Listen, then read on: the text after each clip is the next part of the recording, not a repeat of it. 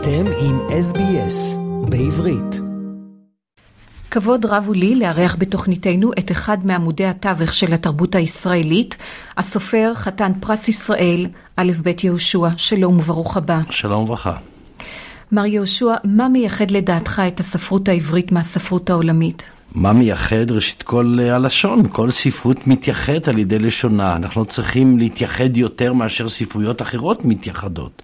ספרות איסלנדית ויש ספרות נורבגית ויש, אה, כל ספרות לאומית אה, מבטאת גם את הבעיות הספרותיות הכלליות ואת הדרך שבה מסתכלים על האנושות באשר היא, וגם כמובן את הקודים הפנימיים, הלאומיים, שמאוד מתבטאים דרך השפה. אפשר לומר שהספרות הישראלית מתייחדת אולי קצת יותר, או התייחדה בעבר, בגלל היותה קשורה מאוד למה שנקרא לתנועת התחייה הלאומית. התחייה הציונית לא יכלה להיעשות אלא על ידי השפה.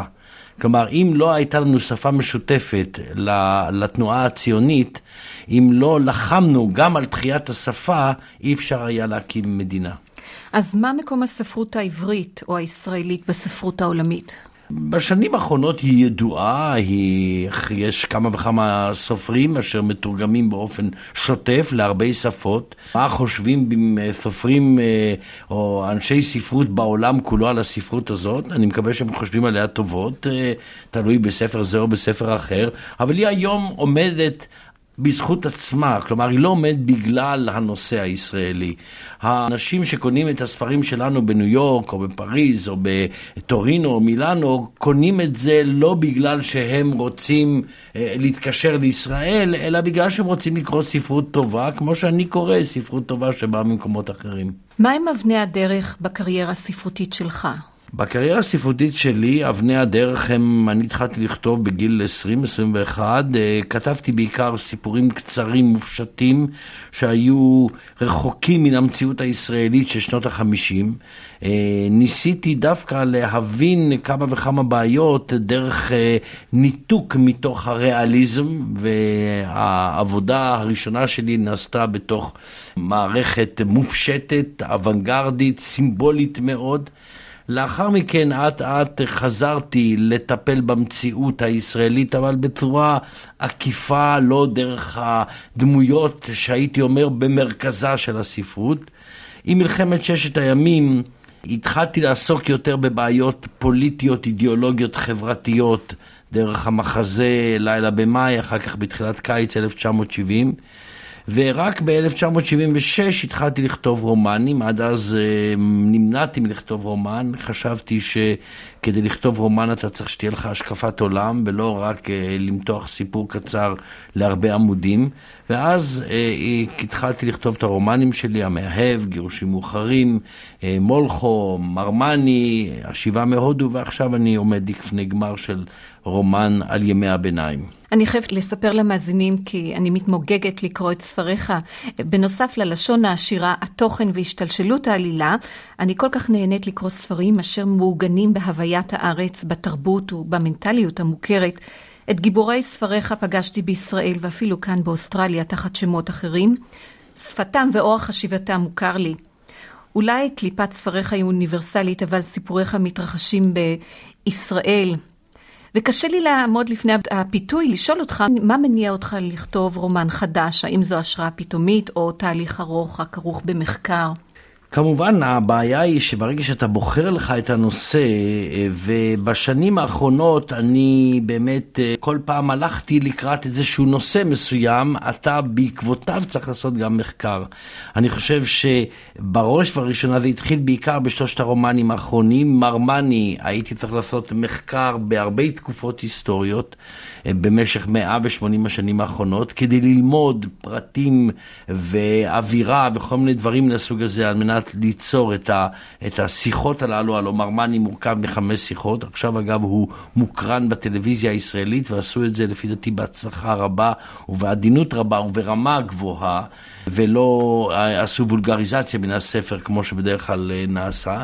אותו דבר היה בשבעה מהודו, שם המחקר היה רפואי יותר, אה, דברים שקשורים היו לבית חולים, גם להודו עצמה, ועכשיו ברומן של ימי הביניים, זה הרומן אולי הראשון שאני כותב, שאין לו שום נגיעה לארץ ישראל. הוא רומן לחלוטין על הגולה, אבל אה, אלף שנה לפני אה, ימינו, והרומן הזה, כדי שוב פעם לחדור לרקמת חיים יהודית שהייתה כל כך עדינה וכל כך אה, מפוזרת בימי הביניים, צריך הייתי לעשות גם מחקר די רציני. איפה מתרחשת העלילה? העלילה מתרחשת באירופה, בעצם במין קו כזה שיוצא מצפון אפריקה, מגיע לפריז, ומפריז ממשיך עד לריינוס וחוזר בחזרה. זה תיאור של מסע של שלושה חודשים של סוחר צפון אפריקאי, יהודי צפון אפריקאי, שיוצא מטנג'יר באונייה עם רב ועם שתי נשותיו כדי להתווכח, כדי להתמודד על שאלת הביגמיה, שבאותו זמן אה, נקבעת על ידי היהודים האשכנזים כדבר אסור, ותקופת רבי גרשום מאור הגולה, וזה איזה סיפור שרקחתי אותו סביב אותו, אותה פרשה. אתה נוגע בעניין של בין ספרדים ואשכנזים כבר, המתח שכבר אירע לפני אלף שנה? כן, אז היו הספרדים 95% מן העם היהודי והאשכנזים היו בערך כ-5%. כלומר, מה זה אשכנזים, מה זה ספרדים, צריך להסביר את זה. אנשים שחיו תחת האסלאם ואנשים שחיו תחת בארצות הנוצריות. כן, באמת זה גם התמודדות בין שתי תרבויות שהן... עומדות לקראת פריחתן, התרבות של מה שאנחנו קוראים תור הזהב בספרד, שלקראת סוף האלף מתחילה להגיע לשיא פריחתה, ותרבות חכמי אשכנז על הריינוס, זאת תהיה התרבות האשכנזית ההלכתית שמתגבשת, אז מתגבשת והיא נותנת אותותיה עד לחסידי גור וחסידי רבד והמתנגדים שמסתובבים אותנו מכל מקום. אני חושבת שזה פנטסטי, זה ייתן אינסנטיב לאנשים ללמוד את ההיסטוריה שלנו דרך אני, רומן. אני מקווה, אני מקווה, אני חושב שבכלל כדאי היה מאוד, כמו שעושים הצרפתים, וכמו שעושים האנגלים, וכמו שעושים הגרמנים, הם כל כך יפה מתחברים דרך האומנות, הסרטים, הטלוויזיה, אל עברם. כאשר האנגלים עושים נניח את ספריה של ג'יין אוסטין, בבת אחת הם מתחברים ל-200 שנה אחורה אל, אל ההוויה האנגלית, וכך גם אני חושב שאנחנו צריכים לעשות, להשתמש יותר באומנות כדי להתחבר אל העבר שלנו. השורשים שלנו. האם אתה מזדהה עם גיבורי ספריך? אני חושב שתמיד אני מזדהה עם כל הגיבורים ברמה זו או אחרת, מנסה להבין אותם מבפנים, לתת להם fair play, לתת להם לשחק את תפקידם או להביע את עצמם מבפנים, ולא, לא, לא, אני לא מוביל אותם אה, כמו אה, מריונטות. אני לא יודע אם תמיד אני מצליח, אבל זה מה שאני מנסה לעשות. האם אתה מעביר את השקפת עולמך דרך הדמויות בספריך? כן, אבל השקפת עולמי כאן היא לא יכולה להיות חד-ממדית. השקפת העולם כאן היא מורכבת, כיוון שבאות דמויות רבות, ואני בדרך כלל עשיתי רומנים פוליפונים, כמו במאהב, כמו במרמני, כמו בגירושים מאוחרים. כלומר, רומנים שנישאו על ידי דמויות רבות, שלא היה להם גיבור אחד. ודווקא בגלל שהם, גם הרומן האחרון הוא רומן של קבוצה ולא רומן של גיבור אחד. הווה אומר שבדרך כלל, אם אתה צריך להביא קרשת אה, וקשת של דמויות, אתה בדרך כלל מביא גם דעות שונות. נכון שאתה יכול כאילו לכוון ולומר מה העדפה שלך, אבל אתה צריך לתת התמודדות אמיתית בין דמויות שונות, בין השקפות שונות, והפוליפוניה הזאת היא שאחר כך יוצרת את, ה, את האידיאולוגיה. זה לשקף את uh, הקיים באופן אותנטי, להראות כן, את כל הדעות הקיימות. כן, כלומר, כיוון שיש לנו באמת uh, uh, ריבוי ויש לנו פלורליזם כזה עמוק בתוך החברה הישראלית, גם מבחינה אתנית, אבל בעיקר גם מבחינה אידיאולוגית, ואני חושב שאני הייתי אומר שבין uh, אפילו, נניח, המתח האתנולוגי שקיים באוסטרליה, הוא כאין וכאפס לעומת המתח האידיאולוגי שקיים בין קבוצות שונות בישראל. כלומר, ישנם אנשים שתפיסתם את הדמוקרטיה, את הדת, היא כל כך שונה מאחרים, כך שאפילו כאן, אם יש אה, קודים אה, של אה, מנטליות לאומית שונה, עדיין מבחינה אידיאולוגית המרחק בין איזה סיני או בין איזה וייטנמי שחי כאן, איזה יווני שחי כאן, הוא לא כל כך גדול כמו שאצלנו. אנחנו ניגע בזה בהמשך. מה לדעתך תרומתך לתרבות ולחברה הישראלים? זה באמת, את לא צריכה לשאול אותי, אחרים יגידו מה תרומתי. אני, תרומתה של הספרות העברית היא לפי דעתי תרומה משמעותית, אני חושב, היא יצרה זהות. וזאת הסיבה שיש לנו כל כך הרבה קוראים. אני חושב שחלק מן ה... הקריאה הגדולה והקנייה הגדולה של ספרים ישראלים על ידי הישראלים נובעת בגלל העובדה שבשנים האחרונות חסר להם, הייתי אומר, מזון אידיאולוגי, ועם האידיאולוגיות שקרסו או שהתמעטו או שנעלמו, יש צורך רב במה שנקרא מזון אידיאולוגי או מזון זהותי, לקיים את הזהות. וכיוון שהישראלים שה, החילונים, אני מדבר, לא על הדתיים, שהם בדרך כלל לא קוראים את ספרינו, בוודאי לא הדתיים הקיצוניים, אבל החילונים, הם זקוקים לחומר זהותי, והספרות העברית מספקת להם את זה, מעבר להנאה האסתטית הזו או אחרת. כשמדברים על זהות, כיצד אתה מגדיר את עצמך? מהי למעשה זהותך? האם אתה סופר ישראלי, סופר ישראלי ממוצא ספרדי? כיצד אתה רואה את שורשיך?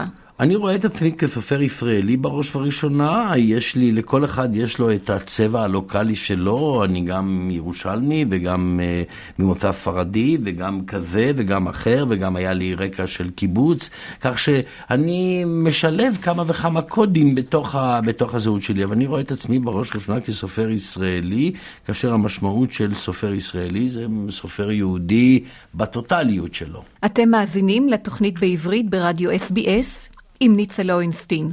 אורחנו באולפן הוא הסופר חתן פרס ישראל א' ב' יהושע. במאמר שהתפרסם ב-Jewish News, אתה מביע עצב וייאוש בשל המצב הפוליטי בישראל. האם נתניהו לדעתך איננו מסוגל להביא שלום וביטחון כפי שהוא הבטיח? אני לא יודע, אנחנו לא יודעים, האיש הזה הוא קצת מסתורין, אני לא חושב רק לנו, אלא לאנשי האופוזיציה שלו, אלא גם לאנשיו שלו. אי אפשר לדעת בדיוק מה הוא רוצה, אני לא יודע אם הוא יודע, אם הוא עצמו יודע מה הוא רוצה. נראה שהוא מין מגשש באפלה, יורה לכל מיני מקומות אה, בלי, בלי בדיוק מחשבה. ראינו את זה בפתיחת המנהרה, שזה היה נעשה בלי שיקול דעת. באופן טיפשי, הוא יכול היה לפתוח את המנהרה יחד עם הנסיגה מחברון, שכנראה בכל אופן תתבצע. כל מיני דחיות, כל מיני טון בלתי נעים כלפי הפלסטינאים. אני חושב ש... יותר ממה שהוא עשה בפועל, איזו מדיניות חדשה, הוא עשה בדיבורים בלתי אחראיים ובדיבורים קצת אה, שלופים מן המותן. ולכן במשך שלושה חודשים, ארבעה חודשים מאז כניסתו לתפקיד, הידרדרו היחסים עם, כל, עם מדינות ערב, יחסים ש... עד שהם התפתחו למשהו, עד שנשתל השתיל הזה בינינו לבין הפלסטינים, בינינו לבין המצרים. בלי שום, אה, אם נאמר הוא היה רוצה לעשות התנחלויות, הוא לא עשה התנחלויות חדשות. זה כאן כל העניין. כלומר, זה לא בגלל שהוא עשה כמה דברים שהוא חשב על פי האידיאולוגיה שלו שהם חשובים והם חדשים והם זקוקים להם. שום דבר הוא לא עשה. הוא בסך הכל בדיבור קלקל הרבה דברים. אני מקווה שהוא מתעשת והוא קצת אה, ישנה את, אה, את מדיניותו. הבחירות האחרונות אפשרו את פתיחת כל תיבות הפנדורה, ומלחמת התרבות על נפשה וזהותה של החברה הישראלית פרצה במלוא עוזה, אם כי המועד המדויק יותר להכרזת המלחמה והמלחמה הנגדית היה, לדעתי, רצח רבין. היכן תסתיים מלחמת תרבות זו לדעתך? תראי, מלחמת תרבות הזאת היא יכולה להיות גם, אה, לא נקרא לזה מלחמת תרבות, מאבק תרבותי, הוא יכול להיות גם דבר מפרה וגם דבר חיובי. אם הוא לא היה קשור לעניינים הפוליטיים, לשאלה של השלום והמלחמה, אם זה היה עניין שקשור במאבק על זהותה של מדינת ישראל, על, ה, על התנודה בין מודרניזם לבין אה, דתיות, בין חזרה לעבר לבין הליכה קדימה, כל מיני אינטגרציות חדשות יכולות לקום מתוך, ה, מתוך המלחמת אה, או, או המאבק התרבותי. זה לכשעצמו לא מפחיד אותי, להפך, לפעמים טוב במדינה שיש בתוכה איזו תסיסה תרבותית בין תפיסות שונות שמנסות גם אה, להתמודד זו עם זו. זה לא רק עניין של אה, תסיסה, טמון פוטנצ... אה, פוטנציאל של קונפליקט חריף בין הלאומיות החרדית ללאומיות החילונית, שיש בה גם יסודות ליברליים והשקפותיה השונות אה, על מקומה של ישראל בעולם. מה לדעתך כן. יקבע את מקומה של המדינה ולבסוף גם את הדפוסים של חיי הפרט והמשפחה? תראי, כל זה נמצא במאבק, זה תלוי מי יהיו הכוחות. הכוחות של הדתיים התחזקו מאוד בשנים האחרונות, בגלל גם uh, ריבוי האוכלוסייה שלהם, גם בגלל התארגנות טובה יותר. השאלה הגדולה היא, אם כל זה, אם היה לנו כבר שלום עם הפלסטינים, היו לנו גבולות ידועים, אז כל המאבקים האלה היו מקבלים פרופורציות יותר אה, קשות, פחות קשות, אבל בכל אופן זה היה... זה היה עדיין נסבל.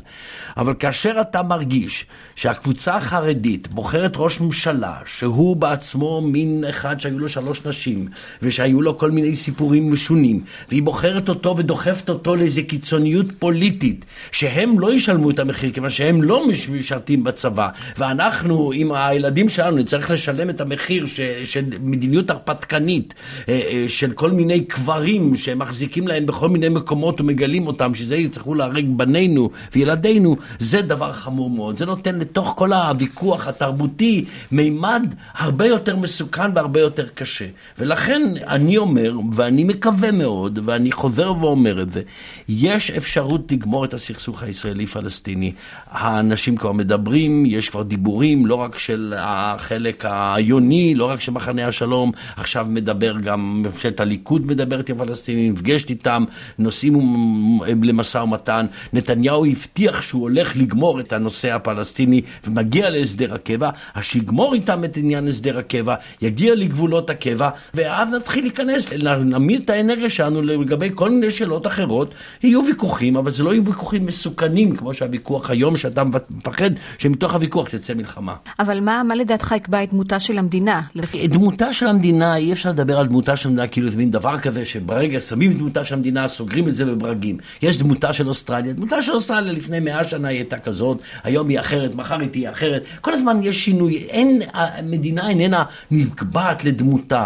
יש היום למדינה הזאת דמות, יש בתוכה גם ליברליזם, יש גם בכלל דמוקרטיה. דמוקרטיה מאוד התחזקה בשנים האחרונות, החילוניות התחזקה מאוד, הדתיות בווריאציות שלה התחזקה. יש תהליכים דינמיים. אני מדברת על המשבר החברתי שקיים. אתה צודק, אי אפשר לנבא מה יהיה... מה... זה לא אפשר לנבא, זה גם לא צריך לחשוב שזה יכול להיות תהליך אחד, זה ודאי כמה וכמה תהליכים כמו בן אדם, בבת אחת מתרחשים כמה וכמה דברים באופן סימולטניים.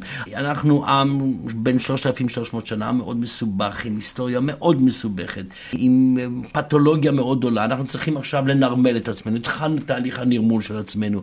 לפני 50 שנה זה התחיל כאן, או בעצם לפני 100 שנה. זה רק חלק קטן מן העם. אט אט הצלחנו הצלחה די גדולה. ריכזנו בארץ ישראל היום מספר רב של יהודים. הם מדברים עברית, הם רואים את זהותם כישראלים. בסך הכל כל הדברים האלה נעשו בזמן די קצר. אם אנחנו, תוך כדי מלחמות, תוך כדי אה, קליטת יהודים מן השואה. אז כל זה צריך לקחת בחשבון, כל הדברים כאלה. צריך לקבל גם איזה אורך נשימה לגבי התהליכים שיעשו. אבל אני רק אומר, בין זה לבין העניין של המלחמה, הוא הדבר המסוכן. כיוון שמלחמה נוספת במזרח התיכון תהיה איומה, איומה. היא תהיה... היא נוראה מבחינת ההרס שלה. כולם מסכימים איתך, אין, כן, אין ספק. כן, אבל, אבל השאלה היא איך מונים אותה. הבעיה היא שגם כולם הסכימו שמלחמה ב-67 תהיה קשה, מלחמה ב-73, אבל לא מנעו אותה. אבל אנשים נותנים את ידם למלחמה, להידרדר למלחמה. והבעיה היא היום איך להימנע ממלחמה ואיך לא לדרדר את היחסים. וזאת עכשיו תפקידה של ממשלת ישראל, כיוון שאנחנו חזקים, ויש לנו כוח, ויש לנו מה לתת כדי למנוע את המלחמה, ואנחנו יכולים לעשות את זה. אם אנחנו עכשיו, בגלל אבן כאן וקבר כאן, נדרדר את כל האזור, להצית אותו לאש נוראה ואש דתית נוראה, אז אנחנו נדע אחר כך שאנחנו אחראים למה שעשינו. אני רציתי להוביל אותך לעניין אחר. מדוע עד כה כולם ראו את המדינה כיהודית ציונית ושייכת פוטנציאלית לכלל העם היהודי, בלי להגדיר בבירור את מהותה של היהדות והציונות? ומדוע כאשר תפיסת האיום החיצוני, תפיסת מדינה במצור נסדקה, עם התחלת הפיוס עם הפלסטינים, גרמו סדקים אלו משבר חברתי? זה לא גמרו משבר חברתי, מקודם היה איום. האיום החיצוני ליכד אותנו, ליכד אנשים בעלי דעות שונות, כיוון שברגע שיש לך איום חיצוני, אנשים מתלכדים. אבל ברגע שהאיום החיצוני נעשה פחות uh, ברור, והוא ודאי כבר גם הלך והתמעט, יש לך יחסי שלום עם מצרים, יש לך יחסי שלום עם ירדן, יש לך כבר יחסי שלום עם הפלסטינים, התחיל התהליך הזה, אז ברור שהקונפליקטים הפנימיים מקבלים יותר מקום.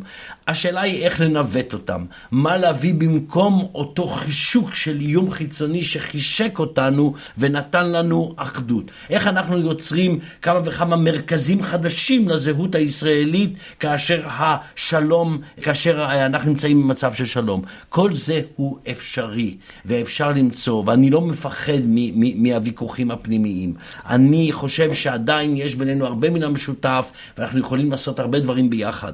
השאלה היא ראשית כל לגמור את הסכסוך הישראלי-פלסטיני, להגיד מהם גבולותיה של מדינת ישראל, מה שבתוך גבולותיה זה באחריותנו. מי שנמצא בגבולותינו צריך לקבל אזרחות. אי אפשר להשאיר ערבים, אי אפשר להחזיק מאה אלף ערבים בחברון בלי שום אזרחות בעוצר, בגלל שאלה חוגגים להם את חג הסוכות, 400 יהודים שם בתוך, בתוך, בתוך רחובות חברון. זה פשוט בלתי אפשרי, ואנחנו מוכרחים לגמור עם זה. אז האם ישראל היא כור היתוך שיתיך שבטים וגלויות לאומה ישראלית מתחדשת, או סיר לחץ של גלות מתקבצת, מקובצת. היא גם סיר לחץ וגם כור היתוך. הכור היתוך הזה כבר היתיך הרבה דברים, כבר נעשה היתוך. חלק מתהליכי ההיתוך היו גם קשים, ויש גם אנשים שגם קצת היום מתלוננים על כך שההיתוך היה חזק מדי, וחם מדי, וברוטלי מדי, והם רוצים בחזרה גם לעשות איזה מין חברה פלורליסטית יותר. כל זה הם תנודות שיכולים מיום מסוים ללכת לכיוון כזה ולכיוון כזה.